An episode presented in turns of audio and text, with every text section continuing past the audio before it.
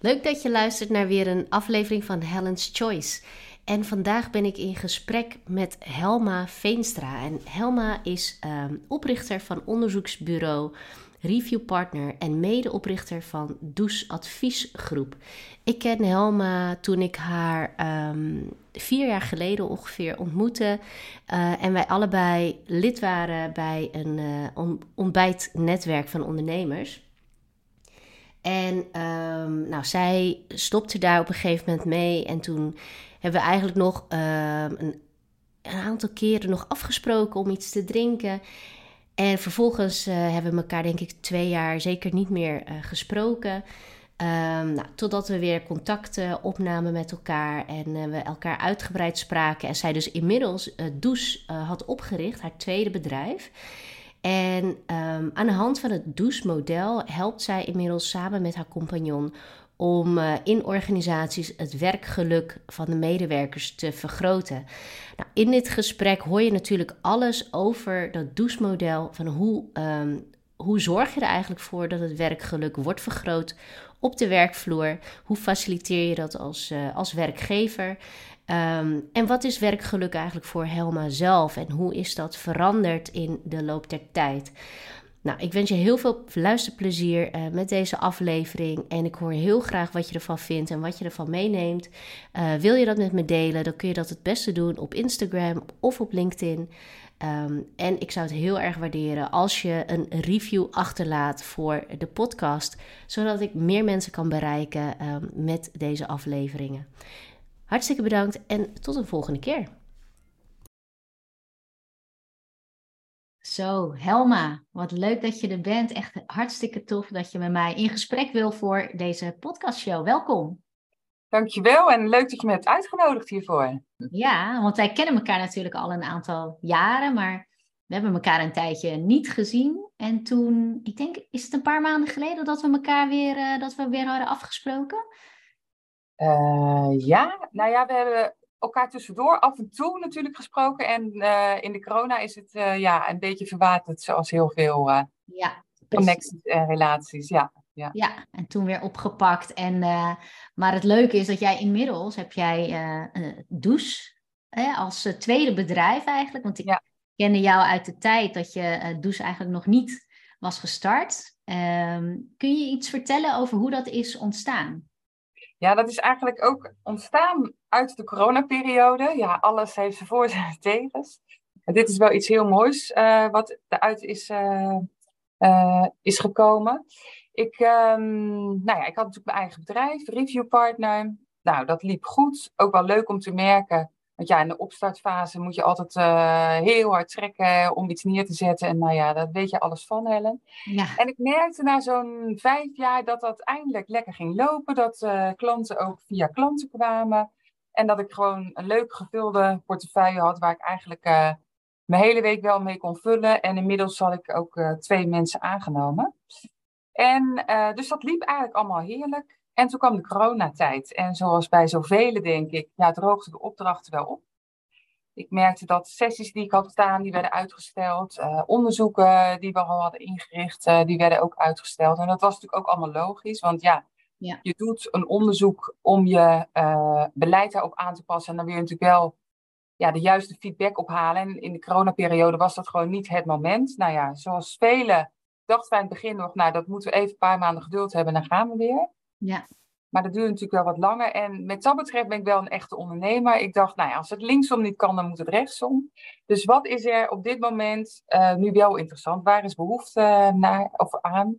Mm-hmm. En um, toen ben ik voor mezelf een businessplan gaan schrijven. En omdat ik natuurlijk al Review Partner had opgericht, wist ik wel wat beter wat ik zocht in een uh, nieuwe onderneming. En ik heb het altijd eigenlijk alleen gedaan. Wel uh, met hulp van uh, zeg maar inroepkrachten en uh, iemand in dienst gehad. Maar ik was wel de enige aan het roer. En ik vond dat ook altijd heerlijk, want ik heb altijd gezegd: ik blijf alleen, ik blijf, onze, of, ik blijf zelfstandig, onafhankelijk. En op een gegeven moment dacht ik: ja, misschien is het juist wel veel leuker met z'n tweeën. Niet alleen leuker, maar je kan elkaar natuurlijk echt versterken. Als je allebei op je eigen expertisegebied werkt, Ja, dan is 1 en 1 is 3. Maar ja, vind maar eens zo'n juiste partner. Dat is best, best wel lastig natuurlijk. Ja. En ik had in het verleden best wel wat mensen die soms aan me vroegen van... joh Helma, zullen we samenwerken? En dacht ik, ja, dat snap ik. Jij gaat aan de kruiwagen bij mij hangen, maar wat heb ik eraan? Ja. Dus ja, met dat betreft moet ik wel eerlijk zeggen, ben ik ook wel heel secuur. En op het moment dat ik mijn businessplan aan het schrijven was, werd ik gebeld door Hanneke, mijn huidige compagnon. Ja. En ja, zij is ook zelfstandig ondernemer, uh, opereert ook al een kleine tien jaar voor zichzelf, heeft ook een goed gevulde portefeuille, maar liep eigenlijk tegen hetzelfde aan dat haar opdracht, uh, zeg maar, opdroogde. En um, zij heeft ook een opleiding gedaan op het gebied van werkgeluk. En zij zei, ja, ik heb daar altijd wat meer mee willen doen. Mm -hmm. Maar ja, nooit ruimte gehad, omdat je gewoon altijd vol was. Vijf dagen in de week, zes dagen in de week. En als je zoiets wil gaan opstarten, ja, dan moet je daar echt wel even de tijd voor hebben. Dus, en zij dacht eigenlijk op datzelfde moment, waarom ga ik niet samenwerken met Helma? Want Helma kan het heel goed meetbaar maken.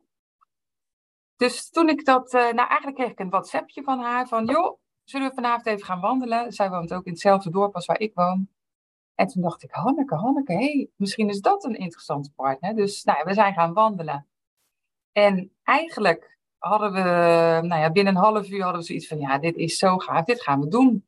En ik stond te kijken van mezelf, want ze is de volgende dag langsgekomen bij mij op Ja. kantoor. Ja. En we hebben de handen ineengeslagen. Binnen drie weken hadden we ons bedrijf ingeschreven bij de Kamer van Koophandel. En als iets goed voelt, voelt iets goed. En we zijn van, slag of, eh, van eh, start gegaan. Nou, we hebben eerst ons douchemodel voor werkgeluk ontwikkeld. Het was natuurlijk wel mooi dat we ook de ruimte echt hadden om aan de slag te gaan. Om Ja. dat businessplan goed uit te werken. Ja. En toen dachten we, nou, dan, eh, dat was in het voorjaar. Toen dachten we, nou, het najaar kunnen we lekker van start. Ja, en toen eh, werd het najaar. En toen zaten we natuurlijk nog steeds volop in de coronaperiode. En toen dachten we, ja, dan moeten we misschien toch online sessies gaan geven.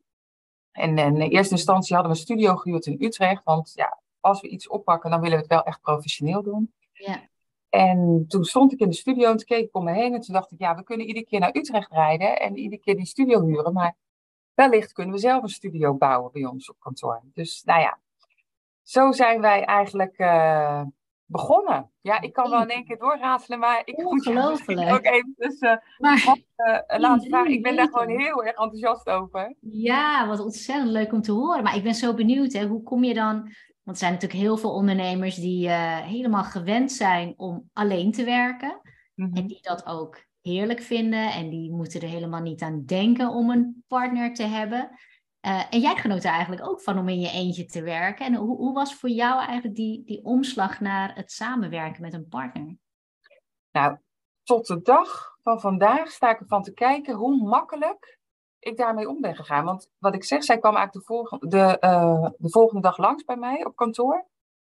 En zij is bij mij gebleven op het kantoor. En toen had ik ook zoiets van, ja, eh, al mijn spulletjes stonden daar van Reviewpart. Dat vond ik ook niet leuk. eh, dat het voor haar een beetje voelde alsof ze bij iemand langskwam. Want ik denk, ja, het wordt eigenlijk ook jouw kantoor. Dus ik ben eigenlijk de eerste week ben ik al mijn kasten gaan uitruimen. Heb plek voor haar gemaakt.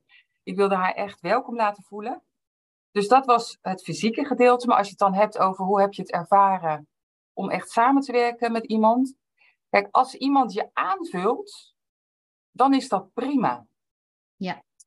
Eh, en we hadden ook wel vanaf het begin af aan hele duidelijke afspraken gemaakt. Want ik heb twee vriendinnen om me heen, ehm, nou ja, die heb ik nog steeds, maar die hebben ook een partnership gehad met een compagnon. En die zijn allebei na jaren uit elkaar gegaan. Dat is heel vervelend verlopen. Dus allebei best wel met een grote financiële strop eh, gegaan. En toen dacht ik, dat wil ik voor zijn. Daar heb ik van geleerd. Dat was sowieso wel uit vriendschap eh, ontstaan. En ik heb Hanneke vanuit zakelijk netwerk ontmoet. Dus ik denk dat je dan al een andere basis hebt. Want je weet al hoe iemand is Mhm. op het zakelijke vlak. Dat, dat scheelt enorm natuurlijk. Of dat je als vriendinnen start, eh, denkt dat het leuk is om met elkaar te werken. En misschien na een jaar of twee jaar erachter komt dat de een toch meer ambitie en drijfveren heeft dan de ander. Of andere Ja. drijfveren heeft. Dus eh, ik denk dat dat al scheelde. Maar we hebben vanaf het begin af aan hele duidelijke afspraken gemaakt van wat gaan we doen op het moment dat een van ons twee wil stoppen. Of als er een kink in de kabel komt. Mhm. Daar eh, nou, hebben we een goed contract voor afgesloten. Dat hebben we onder in, bureau, onder in de bureaulaag gelegd. En dat geeft wel rust. Ja, Dat is wel heel fijn om te weten van ehm, als er iets is, dan hebben we van tevoren in goede tijden al afgesproken hoe gaan we uit elkaar. En dat moet je niet doen op het moment dat het uh, niet goed gaat. Ja. En we hebben heel duidelijk afgesproken van elke week. Het is echt elke week en dat doen we nog steeds. We hebben een soort weekstart en dan blikken we altijd even terug op de week ervoor. Ja. Dan kijken we wat was nou ons grote succes afgelopen week. Uh, ook van onze samenwerking. Hoe ziet de komende week eruit? Hebben we hulp nodig van elkaar? Um, maar waren er ook irritaties? Wat vond jij nou minder gaan in de samenwerking? En dat hebben we tot aan de kleinste details uitgesproken in het begin. Zelfs tot bij wijze van spreken van... jij laat het kastje altijd openstaan en ik vind het fijn als dat dicht zit. Nou, dat klinkt natuurlijk heel kinderachtig. Maar dat is hetzelfde als dat je ehm, partner thuis altijd het eh, dopje van de tandpasta openlaat... en je daar continu aan ergert en op een gegeven moment je allerlei andere dingen hebt... en je dan valt over dat dopje. Ja. Dus we hebben alles vanaf begin af aan uh, uitgesproken. En ik denk dat dat uh, een groot succes is van onze fijne samenwerking. Ja, wat goed zeg. Ja. Ja. ja. nee, heel goed dat jullie dat zo goed hebben afgesproken en het eigenlijk makkelijk maken om juist hele kleine dingen te bespreken, zodat het nooit zo groot wordt, zeg maar, of niet zo gauw zo nee. groot wordt, Nee. voordat je erover begint. Maar wat ik me ook afvraag, want je, had het over van ja, er waren wel eerder mensen op jouw pad geweest die met jou wilden samenwerken. Wat, wat maakte nou dat het bij Hanneke eigenlijk zo makkelijk en zo snel verliep? Is dat omdat ze echt met een concreet idee kwam? Is het puur de klik? Wat is het geweest waardoor je nou ja, hiermee eigenlijk heel snel verder kon? Nou, ik denk ook wel dat zij. Uh, het is echt een ander persoon dan dat ik ben. Maar zij is wel gedreven. Zij gaat er ook voor de volle 100% voor. En als je er allebei voor de volle 100% voor gaat. Mm -hmm. Um, je accepteert ook elkaars mindere punten. Mm -hmm. Dan weet je gewoon dat er met de beste intenties je, je uh, iets wil bereiken. En als je samen hetzelfde doel nastreeft, want dat hebben we. Yeah. Dat, is, dat is het werkgeluk vergroten in Nederland. Als je hetzelfde doel nastreeft en allebei daar voor de volle 100% voor gaat. Yeah. En je irritaties snel bespreekbaar maakt maar vooral ook de successen viert met elkaar. En ziet dat het eigenlijk gewoon veel leuker is. Want als je een sessie hebt gehad en je rijdt in je eentje naar huis, ja, dan kan je thuis vertellen. Maar goed, dat verhaal hebben ze al uh, tig keer gehoord en dan weten ze het wel. Terwijl als je ja, samenwerkt en je hebt samen zo'n sessie gegeven, ja, dan ga je op de terugweg, ga je even gezellig langs een cafeetje en dan doe je even een kopje koffie en een, en een appeltaartje of je drinkt wat. Ja, dat, voelt heel anders. Ja, je kan het echt samen delen. Je dat kan is... het echt samen delen. En ook sessies die je in je eentje doet, kan je wel met elkaar doornemen. Van, hè, ik heb morgen die en die sessie. Ja. Uh, kijk eens mee in die presentatie. En Ja. door, want ze zeggen altijd, um, alleen ga je sneller, samen kom je verder. Nou, en ik zeg al, al drie jaar tegen Hanneke, nou, wij gaan samen ook echt sneller. Want ik ben van nature een uh, um, twijfelaar, zeg maar Mm -hmm. altijd wikken wegen, wat is goed. En dan kan ik heel lang over bepaalde zaken doen. En ik merk op het moment dat ik het bij Hanneke voorleg, dan tikken we hem af en dan is het klaar. Wauw.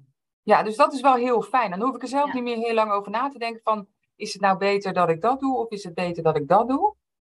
Je hebt er een andere blik op gekregen. Ja, dan, dat, dat werkt eigenlijk nog sneller voor mezelf. Ja. Dat helpt jou eigenlijk om het, uh, uh, om het weer op een andere manier te verwerken en gewoon een besluit erover te nemen. Ja, ja dan denk ik, oké, okay, dit is goed. En we hebben het ook afgesproken met elkaar, scheelt ook. Ja. Want je maakt soms met jezelf afspraken over lange termijn doelen. En ja, uh, niks is zo makkelijk om de afspraak die je met jezelf hebt gemaakt af te zeggen. Want je hebt alleen, hè? Ja. Terwijl je die afspraak hebt gemaakt met een ander, ja, dan ben je denk ik meer, meer gecommit. Ja. En dat, staat ook, dat is ook een van onze kernwaarden. Wat we afspreken, maken we waar. Dus omdat die kernwaarde ook echt prominent hier bij ons aan de muur hangt, ja, dan zie ik hem iedere dag, denk ik, ja, dat hebben we afgesproken. En ook omdat Hanneke zelf al haar afspraken nakomt, wil ik het niet nalaten. Ja, ja, ja. Daardoor maak je wel echt stappen. Ja, het is echt een commitment. Echt die, een commitment. die gedrevenheid die je dus in Hanneke vond, was dat puur een gevoel voordat je samen zo aan de slag ging? Of is dat gewoon hoe je haar kent als een gedreven persoon? Is, is dat het dan? Nou, ik heb haar voorheen wel eens uh, ingehuurd bij mijn masterclass. Deze uit onderdeel leiderschap. En ik zag toen al aan haar, zonder dat ik erom hoefde te vragen, dat zij de presentatie gewoon direct aanleefde. Uh, dat de afspraken die we erover maakten, dat ze die ook direct nakwam. Dus ik wist al wel, nou ja, het klinkt een beetje raar, maar wat voor vlees ik in de kuip had, zeg maar. Ja. Uh, dat zij wel iemand is die echt staat voor wat, zij, uh, voor wat ze zegt. Ja, het is gewoon betrouwbaarheid dus, eigenlijk. Waar je betrouwbaarheid, naar ja, ja. ja, ja. En dat is denk ik wel echt een basis om met, ja, met elkaar te kunnen werken. Ja, precies. Oh, wat supermooi. Ja. En nou is uh, werkgeluk natuurlijk jullie missie, hè, om meer werkgeluk te brengen hè, bij, bij de bedrijven. Um, kun je daar iets over vertellen van hoe jullie naar werkgeluk kijken en hoe je dat dan aanpakt bij een opdrachtgever? Ja, nou, bij mij is het eigenlijk ontstaan. Ik vind het van me, uh, ja, hoe moet ik het zeggen? Ik vind het zelf leuk om mezelf te blijven ontwikkelen. Mm-hmm. En ik uh, kom uit de reisbranche, iets heel anders.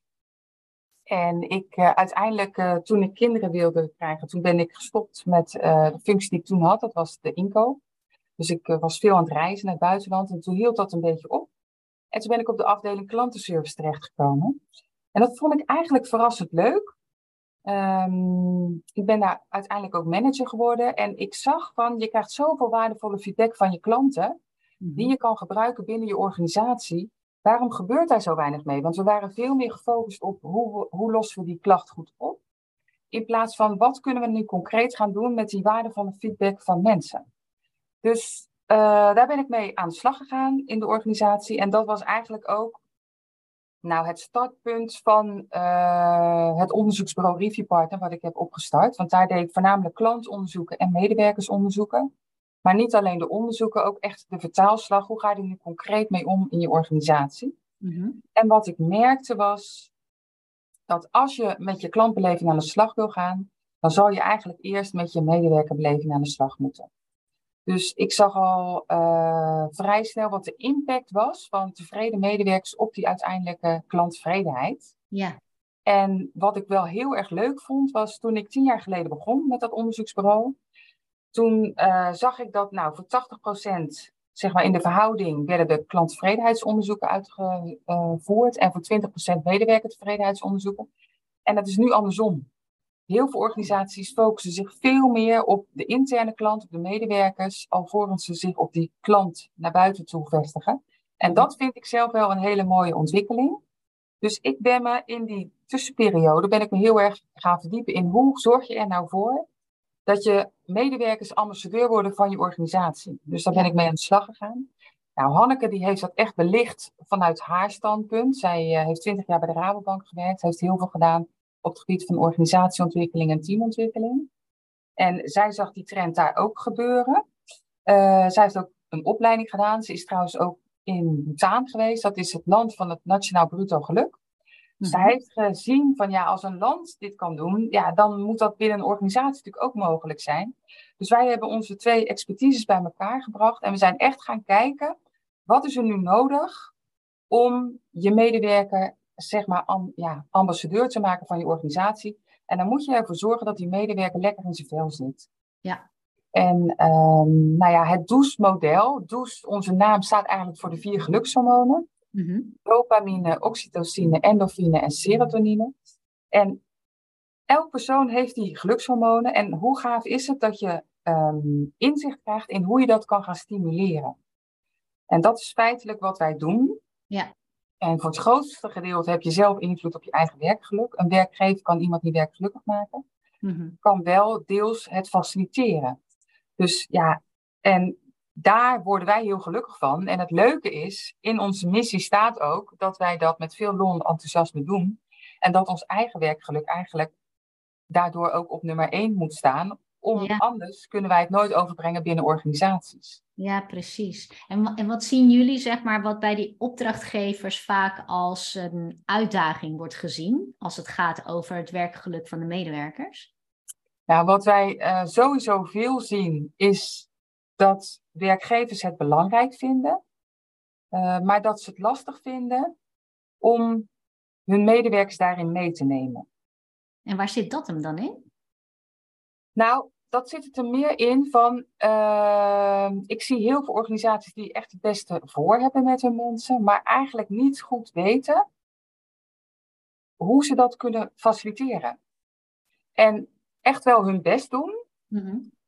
Maar de grootste eye-opener eigenlijk feitelijk is als, als wij uh, directiemanagement uh, spreken, is gewoon het woord van jij kan je mensen niet werkgelukkig maken. Dat moeten zij zelf doen.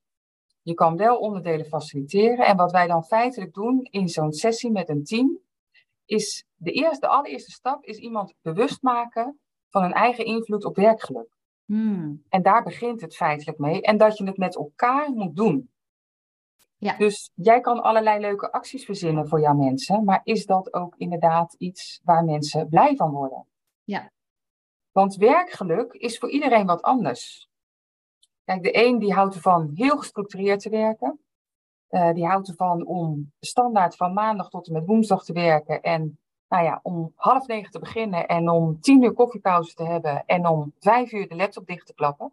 En de ander zegt, ja, ik werk zoveel uur per week, maar geef mij de vrijheid om dat zelf in te vullen. Uh, dan functioneer ik het beste. Dus wat werkgeluk is voor iemand, is eigenlijk uh, heel individualistisch. Ja. Dus het en... is dan voor een werkgever ook heel lastig mm -hmm. om dat voor elk individu te gaan invullen.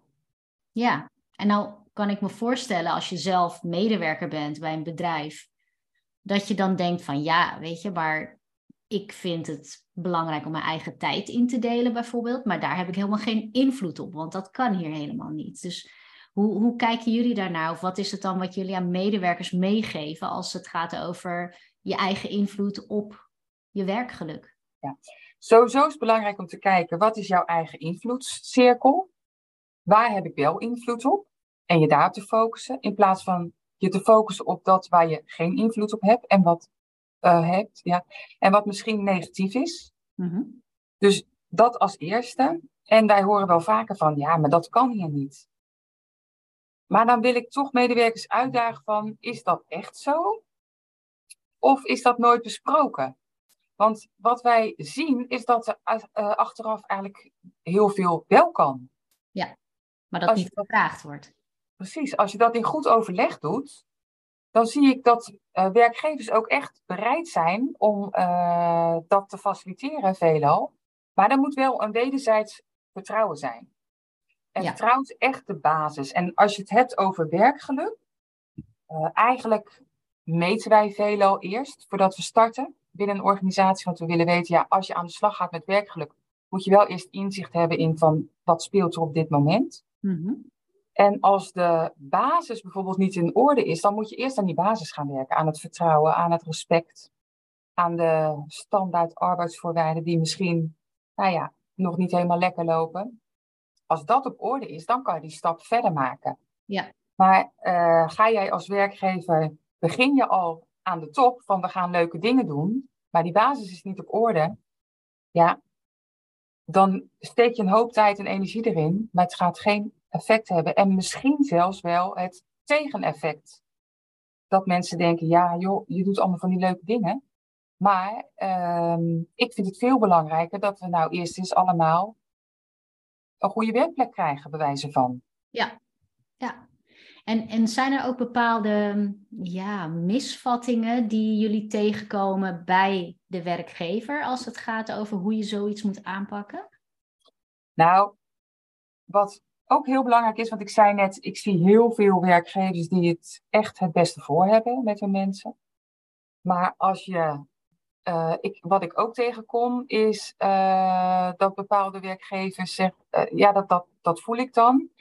Van, het is ook een soort trend, hè, van we moeten nu investeren in onze mensen, dat is belangrijk. Mm-hmm. We gaan iets doen met werkgeluk, kunnen jullie een sessie doen, dan kan ik een soort van afvinken en dan heb ik ook wat gedaan voor mijn mensen. Ja.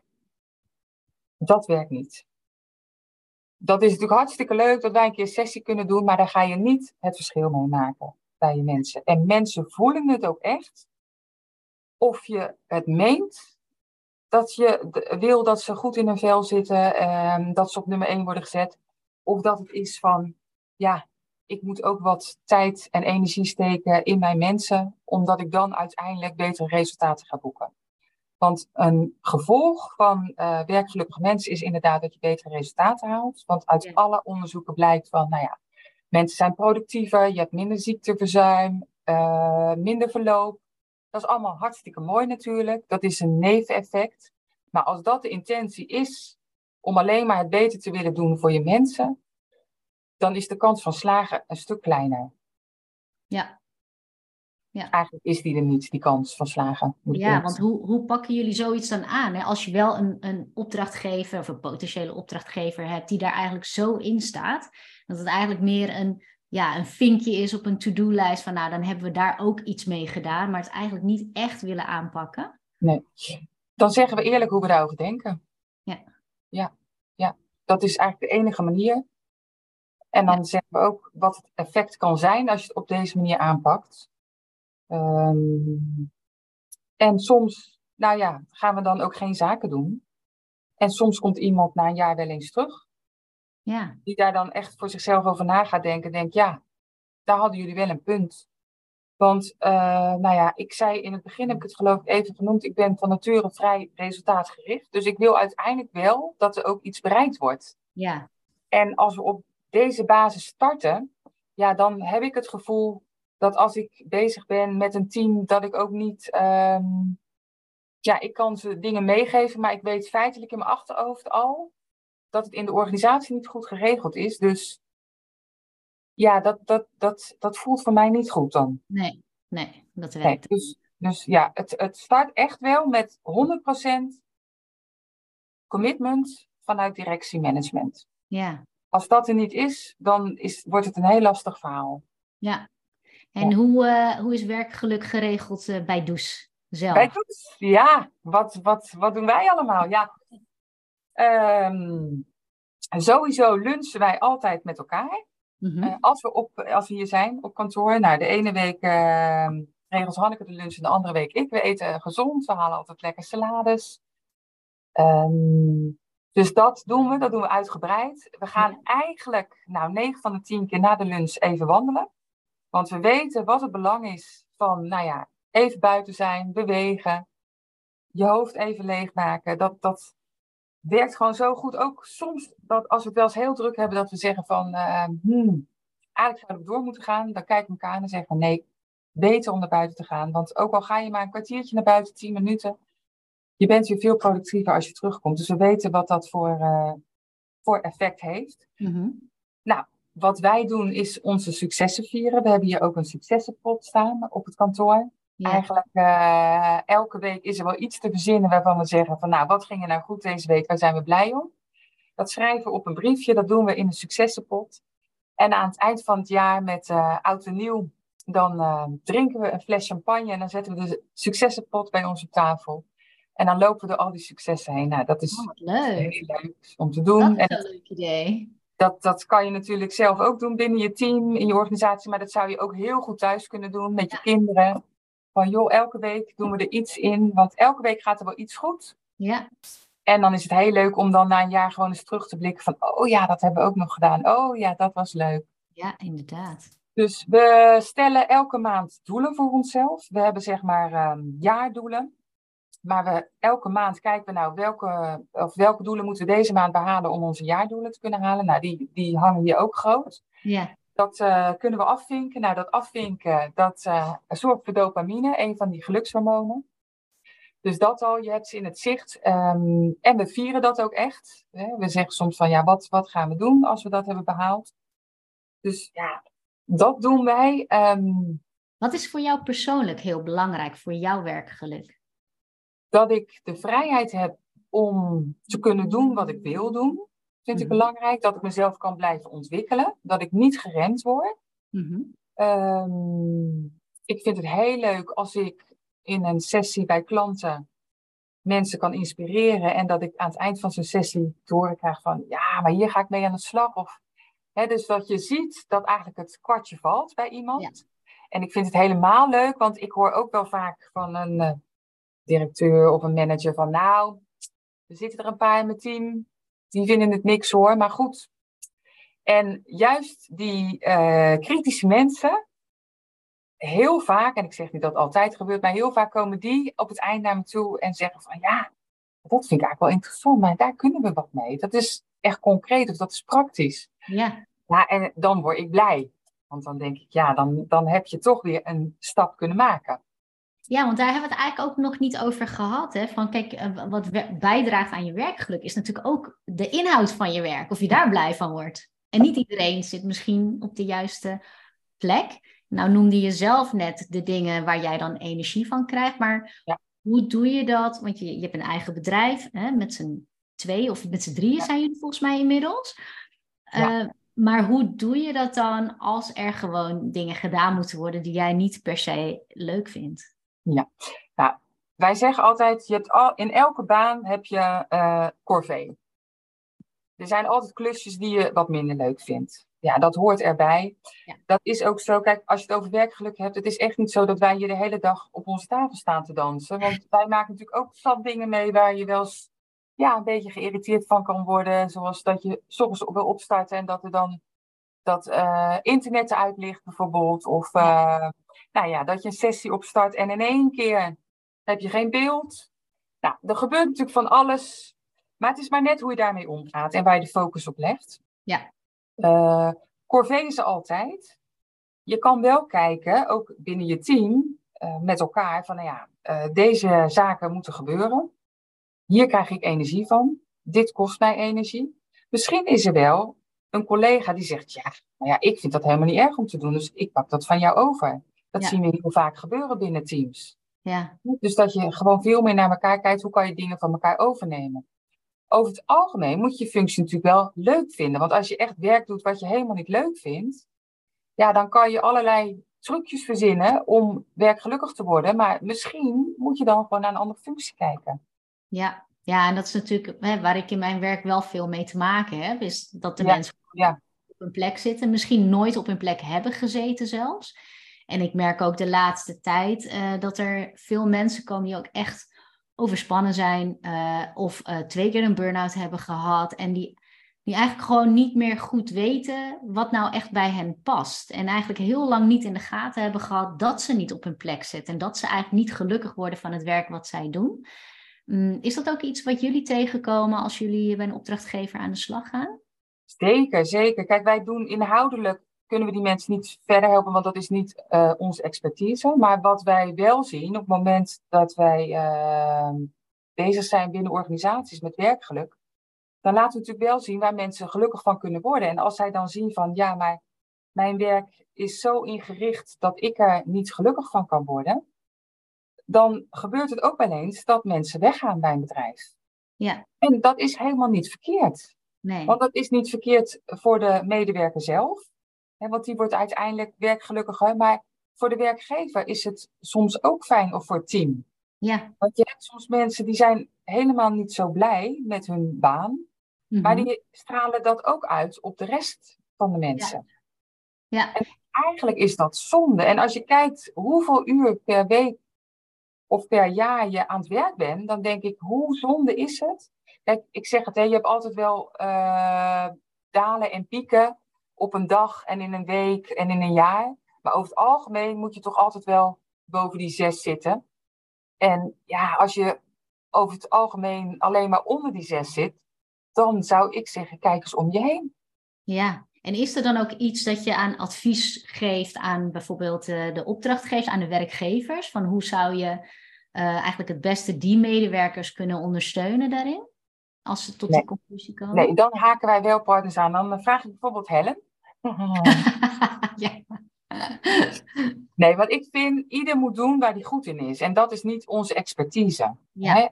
Uh, hoe ga je in een exitgesprek met iemand? En natuurlijk hebben wij daar wel partners voor waar we mee samenwerken. Dus die kunnen we zeker wel voorleggen. En we adviseren uh, de werkgever wel om een traject bij wijze van spreken op te starten. Of in gesprek te gaan. Nog ineens echt een traject op te starten. Maar ga eens in gesprek met elkaar. Mm-hmm. En dan wordt vaak al heel veel duidelijk. En dan gaat een werkgever of een werknemer zelf op zoek van ja, wat is dan nu de beste weg? Maar het allermooiste is natuurlijk dat je gewoon samen in een, in een goed gesprek uitkomt. Ja, ja. Ja. En is werkgeluk voor jou zelf ook uh, veranderd, zeg maar, door de jaren heen? Dat je er anders naar kijkt? Ja, ik ben me veel bewuster, maar dat heeft niet alleen met mijn werk te maken en met, uh, uh, met de hele coronaperiode. Ik ben vorig jaar zelf ook ziek geweest. Ik heb uh, helaas kanker gehad, gelukkig gehad, want het is nu weg. Ik ben daar behandeld voor. Maar dat, daardoor sta ik nu wel anders in het leven. En ja. uh, ook het feit dat ik met de douche was begonnen, heeft me ook enorm geholpen. Want die gelukshormoon, ik weet hoe je dat kan stimuleren. Dus ik weet hoe belangrijk het is om ook iedere dag weer te kijken naar wat er, wat was er nou waar we wel blij mee zijn deze dag. En dan merk je ook in een periode van ziek zijn dat er heel veel is om dankbaar voor te zijn. En um, eigenlijk sta ik rijker in het leven. Ja. En ik ben me nu nog bewuster van hoe belangrijk het is dat je werkgeluk ervaart. Dat je het fijn hebt op je werk. Want ja, als je 40 uur per dag of uh, eh, 40 uur per week werkt en je denkt, ik ga wel leuke dingen doen als ik klaar ben. Mm-hmm. Ja, inmiddels weet ik dat het niet meer zo uh, vanzelfsprekend is dat we allemaal 80 worden. Dus hè, leef nu. Kijk hoe je het ook op je werk naar je zin kan hebben.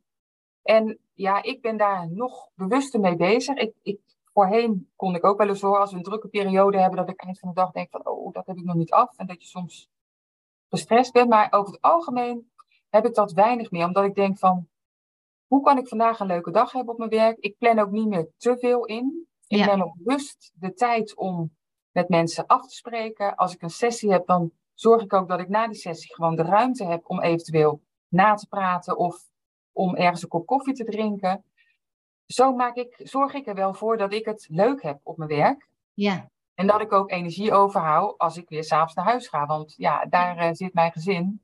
En dat is nog steeds wel het aller, allerbelangrijkste. Ondanks dat ik heel veel van mijn werk hou. Maar ja. uiteindelijk draait het natuurlijk om uh, wat, je, wat je thuis hebt zitten.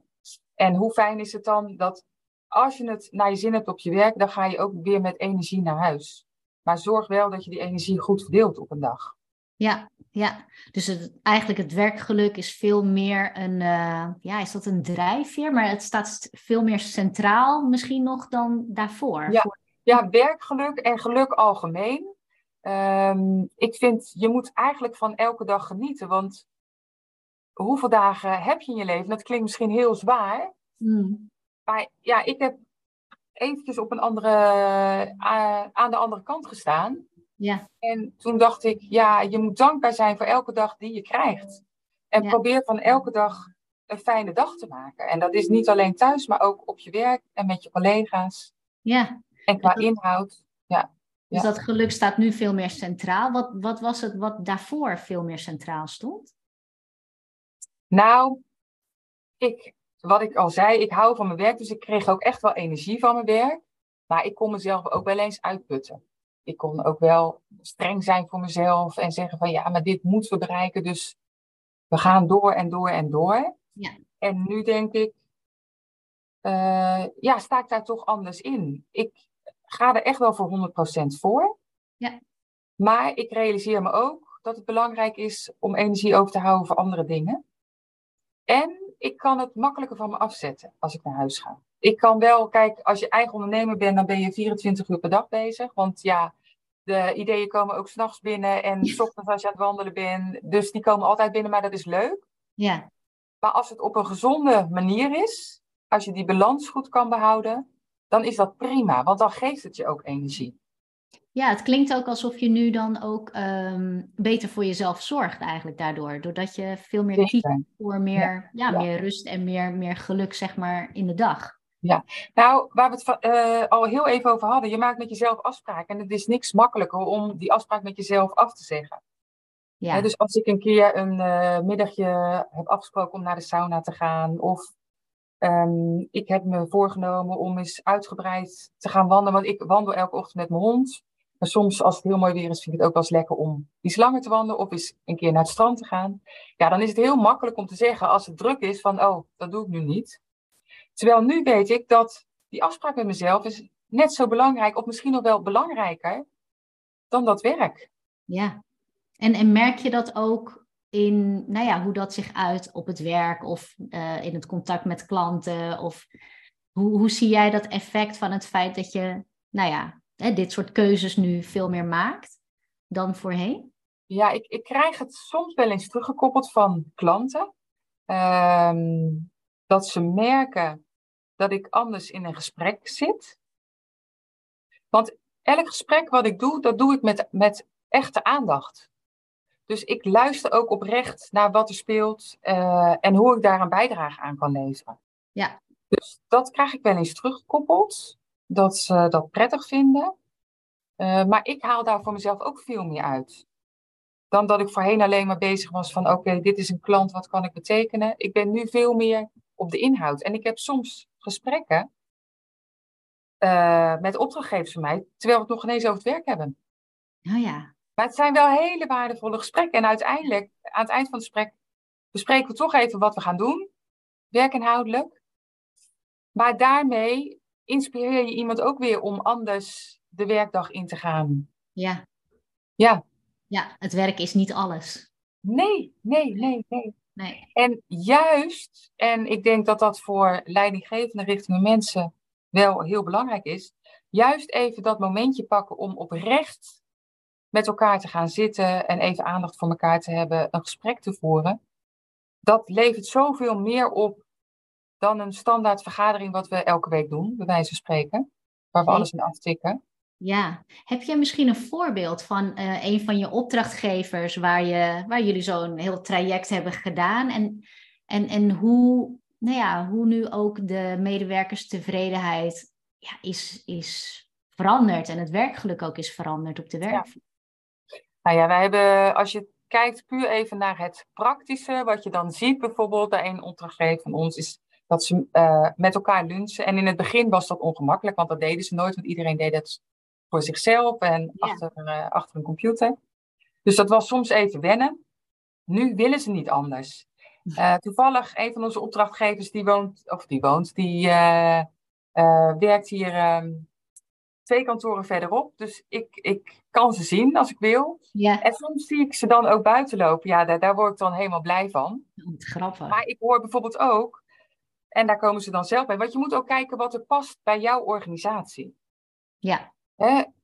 Um, dat is ook belangrijk. Ik kan geen kant-en-klaar recept geven. Ik kan ze inspireren. Ik kan vertellen hoe je je gelukshormonen kan stimuleren, wat je daaraan kan doen, wat belangrijk is daarbij, wat de valkuilen zijn.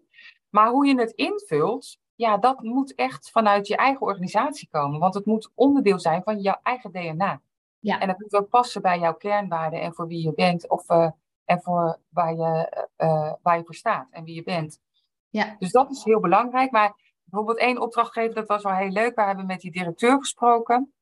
En die vond het heel belangrijk dat we aan de slag gingen binnen zijn team. Nou, daar zijn we nu inmiddels uh, dik twee jaar verder. En hij zei letterlijk van. Het mooie is, want hij deed het echt voor zijn mensen. Maar hij zegt: Het mooie is dat mijn eigen werkgeluk ook is gestegen. Oh, wauw. Ja, en dat vind ik wel heel gaaf om te horen. Ja. Want ja, hij, hij deed het echt voor zijn organisatie. En hij zegt: Ik had het prima naar mijn zin, maar ja, het was voor mij misschien een zeventje. Mm-hmm. Hij zegt maar, ik heb nu zoveel lol erin. En ik, ik haal er zoveel plezier uit. En ik weet nu ook wat ik voor mijn eigen werkgeluk moet doen. Ja, daar word ik wel heel blij van als ik dat dan hoor. Ja, wat leuk zeg, om ja. dat teruggekoppeld te krijgen. Ja, ja.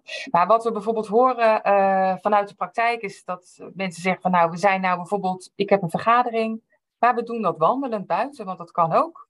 Ja. We gaan even een half uurtje met elkaar naar buiten en dan, en dan tikken we hem af. Ja, super mooi. Ja. En wat, wat is het wat jullie voor ogen hebben met douche voor de langere termijn? Ja, nou wij willen, onze missie is om het werkgeluk te vergroten in Nederland. En uh, wij willen niet een organisatie zijn waar hier dadelijk uh, 10, 20 mensen werken. Want ik heb geen zin, want ik weet waar ik zelf werkgelukkig van word. En ik heb leiding gegeven, dat vond ik op dat moment heel leuk. Maar ik wil die vrijheid houden om te kunnen ondernemen en te kunnen doen wat ik wil. Dus ik heb geen zin om hier 10 of 20 man aan te gaan sturen. Wat ik heel graag wil en waar we ook al mee bezig zijn, uh, is partners aan ons verbinden. Ja. Dus uh, mensen die wij opleiden, zeg maar, onder het DOES-model. En die kunnen dan aan de slag gaan ja, met onze tools, met onze middelen. En wat ik heel leuk vind, is dat we met die partners vier keer per jaar ook intervisie houden. Dus dat je van elkaar kan leren. En een van onze kernwaarden is ook elkaar laten groeien. Dat vind ik belangrijk. Iedereen heeft natuurlijk zijn eigen kennis, zijn eigen expertise. En hoe gaaf is het als je met een team, partners, echt het nog beter kan doen voor jouw klanten. Want dan kan ik heel makkelijk zeggen van, oh, jij hebt dit nodig, daar ligt jouw expertise. Wil jij daar eens in meedenken? Of wil jij daar eens aan de slag? En dat je met elkaar ook kijkt van waar loop je nou tegenaan? Hoe kunnen we elkaar ondersteunen? Dus veel meer in partnership, dus dat we wel gaan groeien. Ja. Dus dat we wel het werkgeluk verder kunnen brengen. Uh, maar ja, in de vorm van uh, partnerships, dat lijkt me heel mooi. Ja. Dat iedereen ook zijn eigen verantwoordelijkheid draagt en dat je het vertrouwen hebt onderling om dat met elkaar te doen. Ja, en wat voor achtergrond moet zo'n partner dan hebben? Nou, wij hebben nu bijvoorbeeld een partner die uh, is aangehaakt en zij is HRM-manager, uh, interim HRM-manager. Dus zij vond het heel interessant. We hebben een andere partner die is leidinggevende. Ehm, maar is ook vanuit haar rol van leidinggevende heel erg bezig met het werkgeluk binnen haar team. Dus zij is voor haarzelf begonnen. Zij wil heel graag aan de slag om haar expertise verder te brengen. Ze wil aan de slag met werkgeluk. Maar dan is het wel heel fijn dat je een houvast hebt. Eigenlijk een, een baken waar je op terug kan vallen. Om daarmee echt aan de slag te gaan. En wij hebben bijvoorbeeld ook onze uh, werkgelukscan ontwikkeld. Dus dat is een heel mooi meetinstrument om te kijken hoe staat het ervoor. En dat geeft je ook handvatten om vervolgens aan de slag te gaan. Ja, en onze partners kunnen die scan ook gaan inzetten voor, voor uh, zichzelf. Ja, oh, hartstikke mooi. Ja. ja. Dus we hebben nog heel veel ideeën. Ja. ja. Hartstikke mooi. Hey Helma, ik kan me voorstellen dat mensen die hier naar geluisterd hebben denken van jeetje, daar wil ik wel meer van weten. Hoe kunnen ze jullie vinden of hoe kunnen ze contact met jullie zoeken? Nou, wij hebben sowieso een website, www.doesadviesgroep.nl. Wij uh, zijn vrij actief op LinkedIn. Dus als je Does Adviesgroep in, uh, toetst op LinkedIn, dan weet ik bijna zeker dat je bij ons terechtkomt. Um, en via LinkedIn kan je contact leggen. En dan, uh, wat misschien wel leuk is, ja. wij geven één keer in de maand een Powerboost werkgeluk. Ja. En dat is een online sessie van anderhalf uur. En daarin nemen mensen mee in de wereld van werkgeluk en in ons DOES-model. En hoe je dat zelf nou kan gaan stimuleren voor jezelf. En hoe je dat ook kan inzetten in je organisatie. Als er mensen zijn die interesse hebben, nou, dan nodig ze meer dan uit om uh, eens deel te nemen. En die kan je ook terugvinden op uh, onze website. Ja, hartstikke mooi. Nou, ik zal ook zeker een aantal van die links uh, opnemen in de show notes, zodat mensen dat makkelijk kunnen terugvinden. Um, heb je tot slot nog iets wat je zou willen delen aan de luisteraar? Uh, als je als um, manager of als directeur aan de slag wil binnen jouw team, zeg maar, met werkgeluk, dan zou ik willen zeggen van ga eerst in gesprek met je mensen en zorg dat je weet wat er speelt. Dat is eigenlijk de allereerste stap. Dus echt luisteren naar, uh, naar je collega's. Ja. Ja, ja. En ook weten dat jij het niet in je eentje hoeft te doen. En dat jij ook niet verantwoordelijk bent voor het werkgeluk van je collega's. Dat ze dat allemaal zelf zijn.